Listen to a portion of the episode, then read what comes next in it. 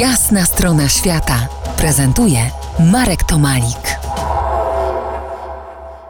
Próbuję dzisiaj zmierzyć się z mitami i faktami dotyczącymi pożarów w Australii, które tak mocno wypełniły uwagę całego świata w ostatnich tygodniach. Mówiłem o możliwych, realnych powodach powstania pożarów w Australii na tak wielką skalę. Teraz spróbuję powalczyć z wiatrakami, czyli z dezinformacją w doniesieniach medialnych na ten temat. Tak, wiem, wiem, że to zadanie trudne, jak y, oganianie się od tysięcy much w australijskim interiorze. Ale spróbuję. Muchom dałem rady nieraz. Zacznę od obrazka, bo to wzrok naszym najważniejszym zmysłem ponoć jest.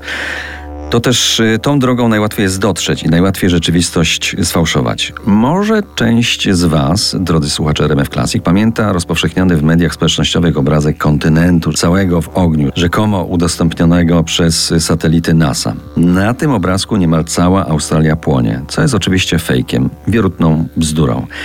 Nigdy tak nie było, żeby cały kraj stał w tej samej chwili w ogniu, a nawet lwia jego część i mam nadzieję, że nigdy tak nie będzie. Takich zdjęć były setki. Na jedno sam się nabrałem, kiedy to kangur przytula się do pani w domyśle kangur uratowany w pożarze. Udostępniłem to zdjęcie na prowadzonym przez siebie profilu Australia jest najważniejsza na Facebooku. Nie dało mi to jednak zdjęcie spokoju i przeprowadzone śledztwo doprowadziło mnie do prawdziwej historii, też wzruszającej, ale nie mającej nic wspólnego z pożarami. Koniec końców, jak sobie podumałem, to stwierdziłem, że takie fejki zasiewają jednak empatię, co, co nie jest takie złe, choć zdecydowanie wolę tak zwane twarde fakty. Większe zło to polowanie na czarownice, to wypuszczane w świat przez już nie tyle prywatne osoby, a wpływowe media wieści, jakoby Australijska Partia Pracy Zieloni miała być odpowiedzialna za blokowanie kontrolowanego wypalania ściółki. Tyle, że Zieloni nie są u starowładzy. W Izbie Niższej Parlamentu mają zaledwie jednego przedstawiciela.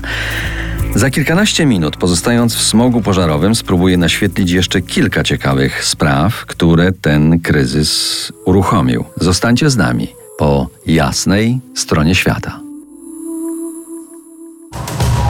To jest jasna strona świata w RMS Classic.